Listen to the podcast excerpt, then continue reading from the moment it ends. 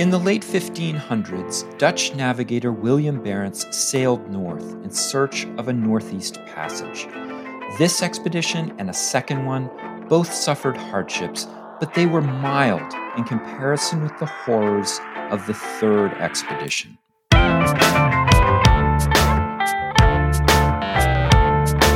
It's time to eat the dogs. I'm Michael Robinson.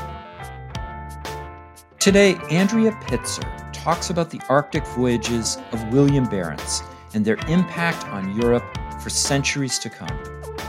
Pitzer is a journalist and author of Icebound Shipwrecked at the Edge of the World. Andrea Pitzer, thank you so much for talking with me. Thanks for having me on, Michael. So in uh, 1594, William Barents, William Barents sets off on his uh, ship, the Mercury, to explore the Arctic coastline above Europe. So why is a Dutch geographer interested in doing this sort of thing, and and who's actually putting up the money for this kind of uh, dangerous expedition? Well, you put your finger on an important point here, which is that money is the driving force behind all of this people are curious and they want to know more about the world, but the real desire is to open up these trade routes to find lands to claim, uh, to set up lucrative uh, business opportunities for the local investors. And so at this point, the Dutch Republic is quite new. And so you have sort of these mm. city identities, and you also have these kind of like regional entities that are funding at these provinces. And so this is a little coalition of cities and provinces that send out these ships. They send out William Barents and they send out, uh, there's four vessels altogether.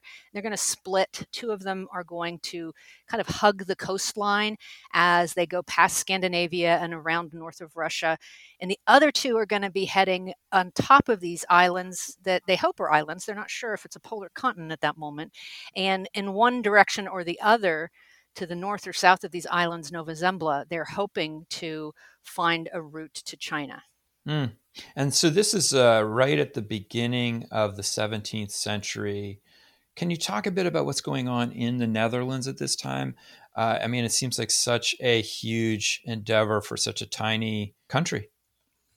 It is. I mean, it's in looking back in retrospect, it's really pretty amazing that they were staking this claim, but they were clearly ready to stake it. So at this point, the Dutch Republic is in the middle of what will turn out to be an 80 year war with Spain, fighting for its independence. It starts as rebel skirmishes um, and different points of uprising. And then later, it will evolve into a rejection of the Spanish king and then it will morph into a rejection of monarchy altogether and then it will will move to this idea that is kind of a precursor to the American Revolution, which is we will do this ourselves.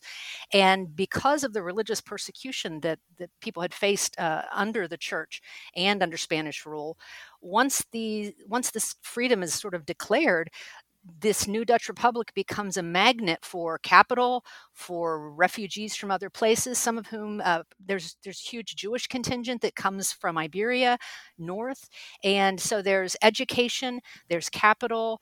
All of this is concentrated into this very small geographical area, and it is this moment in history in which Spain and Portugal have already shown how wealthy countries can become by establishing these trade routes. And so of course this young republic that's already it's right on the sea you know it's it's right there it's poised they have amazing shipbuilders they have this technology and they already have been running these trade routes up to the baltic. And so it's it's sort of natural in this moment that they think that they want to stake a claim as a world empire. As young as they are they really do have all the means in hand to do it so Barents is a geographer. Did he have any practical experience on ships? Actually, yeah, he's most famous as being a navigator. I mean, that's his sort of core identity that we know of him from history. And he had sailed the Mediterranean. And just as these Arctic voyages were starting again in the 1590s, uh, just as he was undergoing his first trips to the far, far north, he was having published an account, uh, a mapping, a full mapping of the Mediterranean. And it's the first full mapping that we have from history.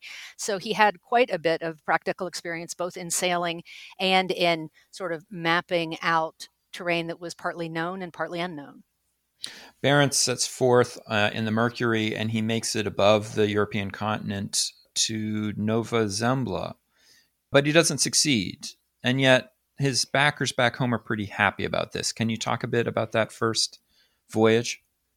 Well, the first voyage really at heart was meant to be kind of a scouting mission. So they weren't necessarily charged with getting all the way to China, although I'm sure the backers would have been thrilled if they, you know, if they had found it that easy going. But the main thing was to try to figure out if it were possible to get there, if there were a clear route. And so when the party split, as they were supposed to, and went both north and south of these islands, Barents did, on that first voyage, get north of Nova Zembla to see that it was not, in fact, attached to a polar continent. There had been one theory about the North Pole being a continent, that since that was not the case, and it could be rounded from the north, that that might be one path, although ice had stopped them in their tracks and forced them to turn back not long after they had come across the northern part of Nova Zembla. But the southern route, where they had gotten even further past this narrow stretch between Vaygach Island and the mainland, uh, Russian mainland, they actually sailed far into an open sea, what's today known as the Kara Sea, beyond it. And uh, they had made even more progress. So when all the parties reassembled and returned, the merchants were quite happy. The leaders, the political leadership was quite happy. And a seven ship fleet was outfitted. And it was thought at the time for the second expedition that the best way to go would be that southern route that had, had allowed the sailors to get even farther on that first voyage. So the first one was sort of a scouting mission. The second one is when they really committed to loading up, you know, sending trade rep- representatives, loading up ships with uh, tradable goods. They were going to go all the way to China on that second expedition. You uh, make the point that this uh, discovery of open water in the high Arctic is not as surprising as we might uh, think it would be. That in fact it kind of plugs into some early theories about polar geography. What's what's uh, that about? Well, there was this idea that goes all the way back to the Greeks that there would be this open polar sea. And some of it is just kind of wild imagining. I mean, it was thought that there was a race of giants who lived at the North Pole. And uh, I mean, there were all kinds of things that seem straight out of mythology that that wouldn't necessarily make sense to a more scientific approach. But there was also a little bit of a logic that was inherent in this idea that there might be open seas up there that someone could navigate if you just sort of went far enough north. They understood that the world was a globe and they understood that it tilted and that for part of the year in the summer that northern, very northern part of the globe the Arctic Circle would have sunlight all the time.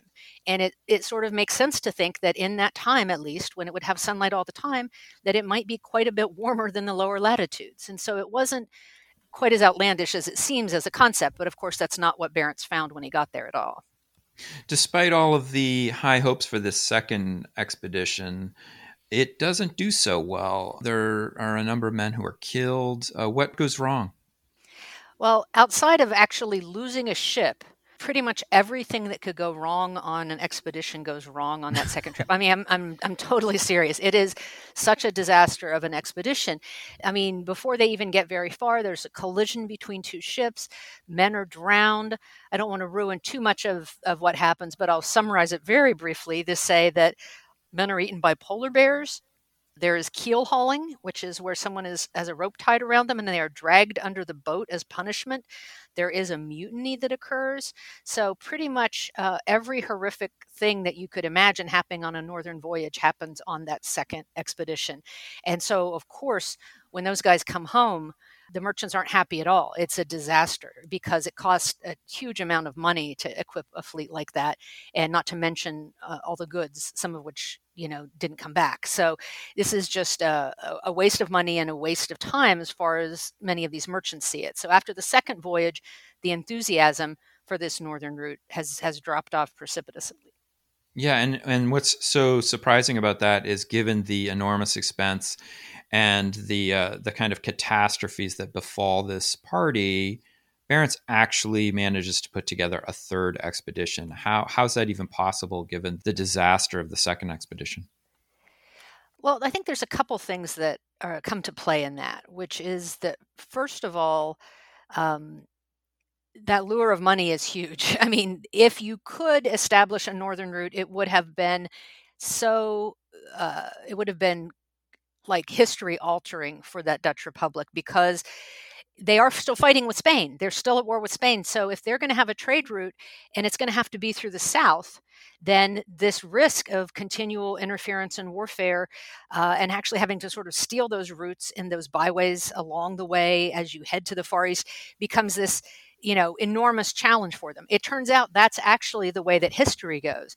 But if the dutch had found that northern route it would have saved them a tremendous amount of time and money and they would have had this unfettered much much less dangerous way to proceed. So there was still a tremendous temptation. However this time there was a prize that was offered. Rather than everything sort of being staked uh, you know partly from the government side from the beginning it was more like the first person who could do this would win a prize. And so amsterdam at that point was the only remaining uh, locality that said well we'll do this. And so you had funders that came forward to fund a two ship expedition so much much much smaller. And this yeah. third expedition the idea was they were going to try to go right like by the north pole. They were going to try to do a polar route. This um, this third expedition is a pretty grim affair, and I don't want to give away everything that happens. But could you give us a bit of a highlight reel of some of the really grim scenes from these chapters? Sure. So this is the bulk of the book is this third expedition because this is why Barents becomes famous they try to head north. Uh, this idea that they're going to do this polar route. On the way north, they discover this island Spitsbergen that's halfway between Norway and the North Pole. And I realize that discover is often a word that's used kind of incorrectly with a lot yeah. of European explorers. But in this case, there this is so far north in the high Arctic desert, it's very hard for humans to live there. So there is no indigenous population in this place at all. There's some question whether the Vikings got there first, but the first really recorded evidence we have of somebody finding it is Barents. And he names it Spitsbergen. And then they try to keep going, but they really can't get uh, far past this island at all. And so at this point, because they're really good at latitude, they know how far north they are, but they don't really know how to do longitude from a boat at this point. So they can't tell where they are east or west. They're not sure if they found part of Greenland. They're not sure exactly, you know, where they are east to west. And so there's a argument. Barents comes across very clearly in each of these expeditions as, as a pretty stubborn man. And he's always arguing over navigation routes with whoever else is of high stature on the expedition. And he's arguing with the captain of the other ship. And they end up squabbling over this repeatedly and they split ways. And Barents wants to go back to Nova Zembla, where he was on the first expedition, rounding it from the north. He thinks that that is a route that will get them there. So they do split. He heads east and ends up going farther than he did on the first expedition, but on the mm. eastern side of the islands, ends up, as with the first two expedition, getting locked in by ice. With the first two, they could turn in time to go home. And with the third one, when they turn around, it's too late and they are unable yeah. to get home and they end up having to spend the winter on Nova Zembla. Yeah, this brings back all reading these chapters brings back all of these memories of reading about the Franklin expedition and the Greely expedition, these kind of horror shows of the of, of the overwintering party and um, but the difference is is you have so many bears in your story. I mean, they're just like I mean, I've just never seen anything like it. They show up all the time, and they get a re- they do get some respite. I'll, I'll give that to the reader during polar night. It turns out the bears go kind of hang out uh, and overwinter a little by themselves as well. But but for most of the time they're there, and you know, winter this far north is really most of the year in terms of what we think of as winter. Um, you know, they are there from uh, they get locked in the end of August, the beginning of September, and they can't even make a stab at leaving until June of the following year. And at that point, their ship is still frozen in. So they're going to decide to sail home in their small boats, which is just like, I can't even imagine coming to that conclusion, but it's yeah. really their only choice. But in between those two periods, those several months of overwintering, um, there were times that they had three bears attacking them at once, uh, and they seemed slow at some moments to realize they really did need to be armed at all times because their blades really often didn't do a lot to stop the bears. These are huge, huge hmm. animals. Mm. And the metal was not necessarily great that they were using. Their blades often broke on things. And so they did have guns. They are not nearly as accurate or as powerful as guns we have today, but those sometimes did make a difference. But yet they would still sometimes be out without being fully armed. And so they would get caught in these positions where they would just be in really untenable circumstances, being chased back into their cabin with a bear literally uh, surging at the door, a bear on the roof because the snow would go so high on their cabin that the bear would be on the roof ripping. They had a sail with planks sort of to try to make a sealed roof and they could hear the sail ripping as the bear is clawing its you know trying to claw its way into their cabin um, so the bears are just relentless and it's it's really interesting because the relationship of the humans and the bears i think is one kind of leitmotif in the book when they first encounter a bear on their first voyage their thought is they had seen trained bears on the street of amsterdam they would capture this maybe keep it as a oh, pet and take oh, it back God. to amsterdam and, and train it right which anyone who knows polar bears knows this is probably a really really bad idea which they themselves find that out quite quickly.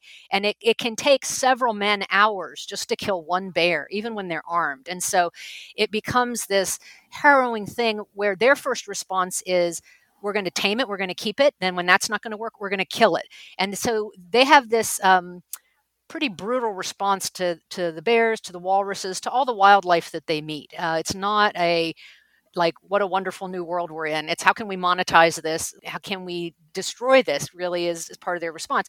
At yeah. the same time the bears are pretty hungry and often intent on destroying them. And so the ways in which both of them are sort of wrestling with each other and some of the ways that that changes over the course of the winter, not always for the better, is is interesting to me. But the Bears are definitely uh, a big part of the story. My agent was saying one review where they said "Bears, Bears, Bears" should just be the pull quote when the paperback comes out. That it's just it's all bears, but they do actually have a lot of other things that go wrong that uh, that winter.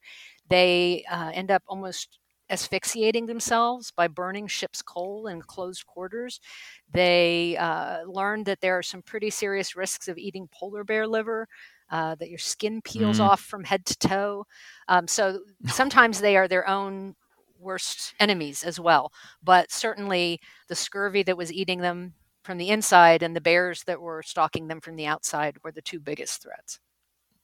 You know, I was kind of impressed that you were able to give so much color to this story because the Arctic stuff that I've worked on is really in the 19th and early 20th centuries when there's all kinds of people who they're not just monetizing the trip, they're monetizing the narrative. So these um, these Arctic narratives are usually written first person and they're written quite vividly um, with the intention that when they get home, they're going to publish it. And um, and so and oftentimes you get multiple voices on a particular expedition and i would imagine that is not necessarily true for people writing in the 16th and early 17th century so can you talk about the sources you use and how you were able to kind of uh, bring them to life Sure, that was the biggest challenge of writing this book. And it, it was something I weighed before I decided to write it because 420 ish years ago, is a really long time ago. So there's no photographs. Um, there's, mm. you know, only so much in the written text. And I wanted to feel that I might be able to bring something to the book that people who had already been, you know, maybe a specialist in Dutch history from this era who'd been studying it for 40 years, was there something I could bring to it that they wouldn't just automatically do better at no matter what? I mean, I only really want to write books that that I can do something hopefully that that nobody else has thought to do or is willing to do. And so mm. for me there were a few pieces to it. I wanted to make sure that there was enough to the story there that we actually had to write a narrative version of it. And we do have a pretty long journal that was sort of the official journal of the voyage that was kept by Gerrit de Veer. And he was on the second and third expeditions, and he got the roundup of the first expedition from Barents. And so we have that account, and that felt like a good spine to it.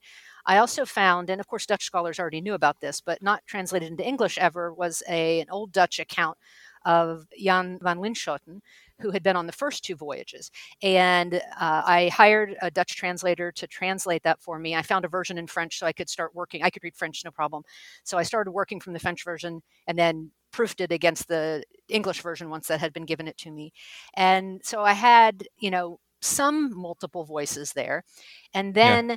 there's a replica of the ship that was being built in Harlingen uh, in the Netherlands that I was able to get aboard. And so to actually physically be inside a ship the same size, the same dimensions, the same space, I felt like, okay, the seagoing parts of this, like particularly that third expedition, I have a much better idea of what that looks like. I went to the Rijksmuseum in Amsterdam and also to museums in Russia and uh, in Norway that had artifacts from the cabin. And Jan, van, uh, Jan de Hond, who is the curator at the Rijksmuseum of this particular era, took me to their depot. And so I saw not only the artifacts on display from the cabin that were brought back centuries later, but I actually got to handle all this stuff in storage wow. that these sailors had handled. So their the Oh, tap wow. on their beer keg, their shoes, their a cane, some daily tools that they use, some carpentry implements, and buttons. There were so many buttons from their clothes, and it was wonderful. Like eh, you know, it just gave me a sense of like what surrounded them in their daily lives, and almost all those objects make an appearance somewhere in the story because I know they were in the cabin, and so that helped a lot. And as much as anything, then actually going on three expeditions myself uh, I felt like going to Svalbard. Uh, the Spitsbergen is the main island of Svalbard today, again, halfway between North Norway and the North Pole. And then actually going on this expedition to the ruins of their cabin, some of which are still on the ground there. I would be able to stand where they had stood. I would be able to see the sights that they had seen. Literally, I went up Yeah. the mast on one expedition and sat up there waiting to see like a particular stretch of the shoreline, knowing that this was just what they had seen. You know, the weather might have been different that day, but they came from the same direction. They were on the ship, you know, and it really, I think it helped provide some of that color. There are paragraphs about how the ice sounds. And altogether, I was in the high Arctic in places that Barents sailed during five different months of the Oh, years that I sailed. Yeah. Yeah. And I felt like that gave me some authority, even in the account where they talk about the sounds of ice or they mention something. They might just do it quite dryly and in passing. But I know in depth what does the ice sound like when it's above freezing? What does it sound like as it's lowering to freezing? What does it sound like when it's been freezing for days? What does it sound like when snow falls on it? And there were all kinds of things about the environment that we know that they experienced um, because they were there for almost a whole year as well.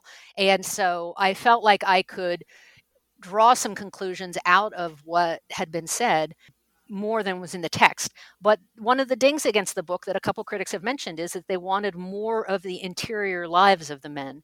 And, and that yeah. Good luck with that. and right? that's just yeah but i mean but and and it would have been tempting to to try to do that but i felt like there was enough there that if i recreated this environment and we do have some emotional reactions that we get from them at different points Oh, you do. that Yeah, people could imagine themselves there. Hmm. yeah i mean it's it's sometimes they say and we were sore afraid or in, in you know misery and grief we decided to spend the winter. So there are moments where they tell us that. And so i thought there was enough of that to sort of hook the reader and that if i created the environment well enough they would then imagine themselves in that circumstance. And these guys aren't that different. I mean they're certainly not just the same but they aren't that different than us and i thought people could hear that human story Yeah, I was I was kind of surprised actually, given the drama of this story, that it it disappears really. I mean, there's not a lot, certainly in the um, in the English speaking literature on Barents, really until like the 19th century. In the mid 19th century, I think uh, Hakluyt Society republishes it. Am, am I right on that? And um, yes yeah, and and I was wondering if you could talk about that. Why you think that Barents disappears as a story, especially given all of the parallels that end up happening to other explorers in the 19th century. You'd think that people would be more interested in this. And then and then also, why do you think why do you think this has become? I mean, you've been uh, highlighted on the front page of the New York Times Book Review and the Wall Street Journal, and uh, it's getting a lot of attention. And people seem really, really interested in your story about Barents. I'm wondering if you could talk about that. Why do you think it went away for so long, and why do you think people are so interested in it now? I think that, uh, well, one thing that's important to sort of say at the outset, which I, I think very few people listening to this will know, is that this story, in its immediate aftermath, became legendary. I don't want to ruin it, but some of the men make it back. Mm, Not all of them, but some of them make it back.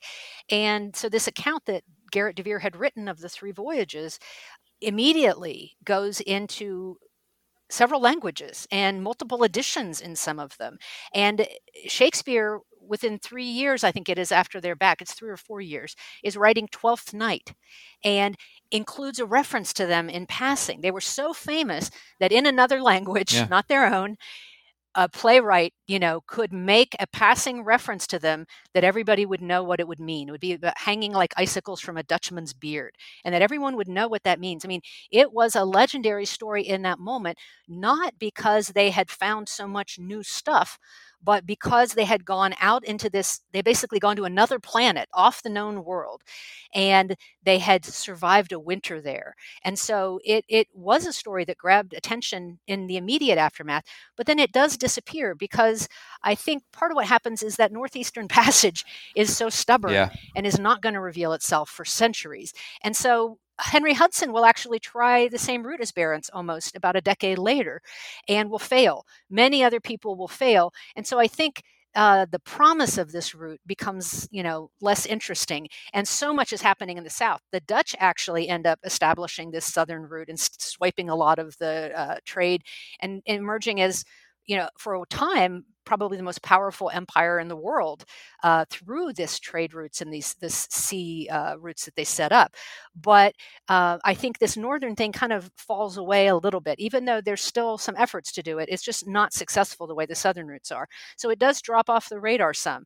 But part of what happens is in the 19th century, we see uh, what I think Barents really, in retrospect, was the first face of. This is one of the things I argue in the book, is that this idea of the polar explorer who, yeah. for for country and for science often later becomes um, is going to go into to these the most difficult the most painful the most suffering inducing places on the globe to to understand them to fully map the globe. It's a way of sort of conquering the earth. It isn't just about trade routes anymore. And so i think barents in retrospect is kind of the first face of this polar explorer but it's in the 19th century that this idea really inflames the whole globe where we have yeah. we begin to have these famous narratives and the wish to go there and it shows up in literature and you know we see it in jules verne uh, we see it uh, just again and again Zembla and the far north, and it just becomes this prototype. And Barents is resurrected uh, at home tremendously, and then in other countries as well, in part because of this poem by Hendrik Tollens, who writes this incredibly melodramatic, really incorrect, uh, historically way inaccurate romanticization of their overwintering. But it's this idea of the the basically the brave white explorers and the stiff upper lip and everything that they endure and so I think Barents becomes celebrated again as this explorer identity evolves. Yeah. And yet, as you as you mentioned, so many of these 19th and early 20th century guys, uh, when they're actually you know aiming for the pole and then getting to the pole, they're writing stories along the way. Sometimes they're sending telegrams back. Um, I mean, it, it's there's photos happening very shortly after. Uh, sometimes in, you know, the, in the 20th century ones, there's film footage. So it's these really vivid, vivid accounts. And I think Barents kind of falls by the wayside because we don't have film footage of that, and we don't have photos of that. Uh, and so I think that that it sort of uh, waned again you often see it referred to just like as a sentence or two. But as I came to this story about 13 years ago, I was reading it and and I had this really strange reaction. It's like, why don't I know this story? Yeah. It's such a compelling thing that they did, and the deeper I got into it, the more interesting it became to me. Your this is your uh, third book. You wrote a book, um, "The Secret History of Vladimir Nabokov," and then you wrote a very different book, uh, "One Long Night," which was a global history of concentration camps. You uh, spoke about that on Time to Eat the Dogs last year, and and now uh, another expedition about an Arctic explorer. On the surface, these seem really, really different types of projects. Do you see any way that they link together? Oh, in my mind, they're very linked together. Uh, I think of these three books as the Zembla trilogy, actually.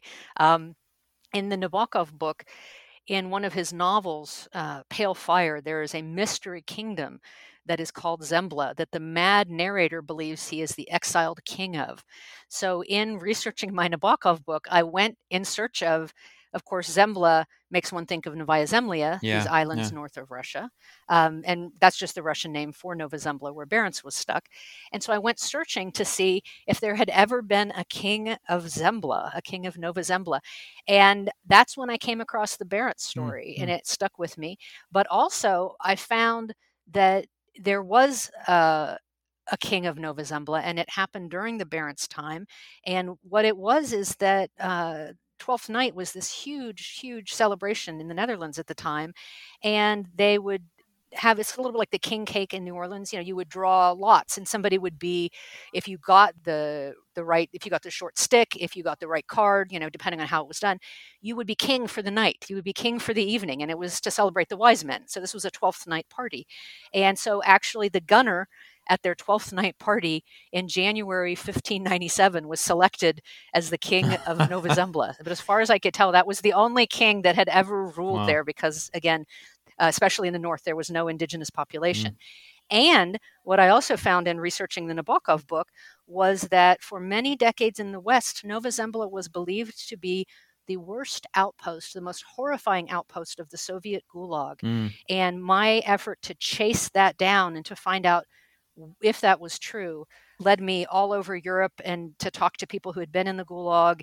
And that is actually part of what led to writing the second book. One long night. Yeah. Yeah, exactly. And so then this this story is the story of sort of going the farthest back to anything we have on the written record of Nova Zembla in English, which is the story of William Barents. So I think all of them are sort of related to Zembla. Wow. And I thought you were going to tell me something about your obsession with people who seek out isolation. That's what I. but uh, that's very cool. I had no idea that they really they really are linked together. Uh, that's Not very from the surface, but yeah, somewhere in the background of my brain, they're they're all tied together for sure. Well, uh, Andrea Pitzer, thank you so much uh, for talking with me today. Thanks so much for having me on, Michael. It's always a delight to speak with you. That's it for today. The music was composed by Zabrat. Make sure you check out the Time to Eat the Dogs website podcast links and other exploration related stuff. And if you get the chance, please take a minute to rate and review the show wherever you get your podcasts. It really helps make the show visible to new listeners. And if you want to recommend a guest or make a comment, feel free to contact me at time to eat the dogs. That's one word, lowercase, at gmail.com. See you next week.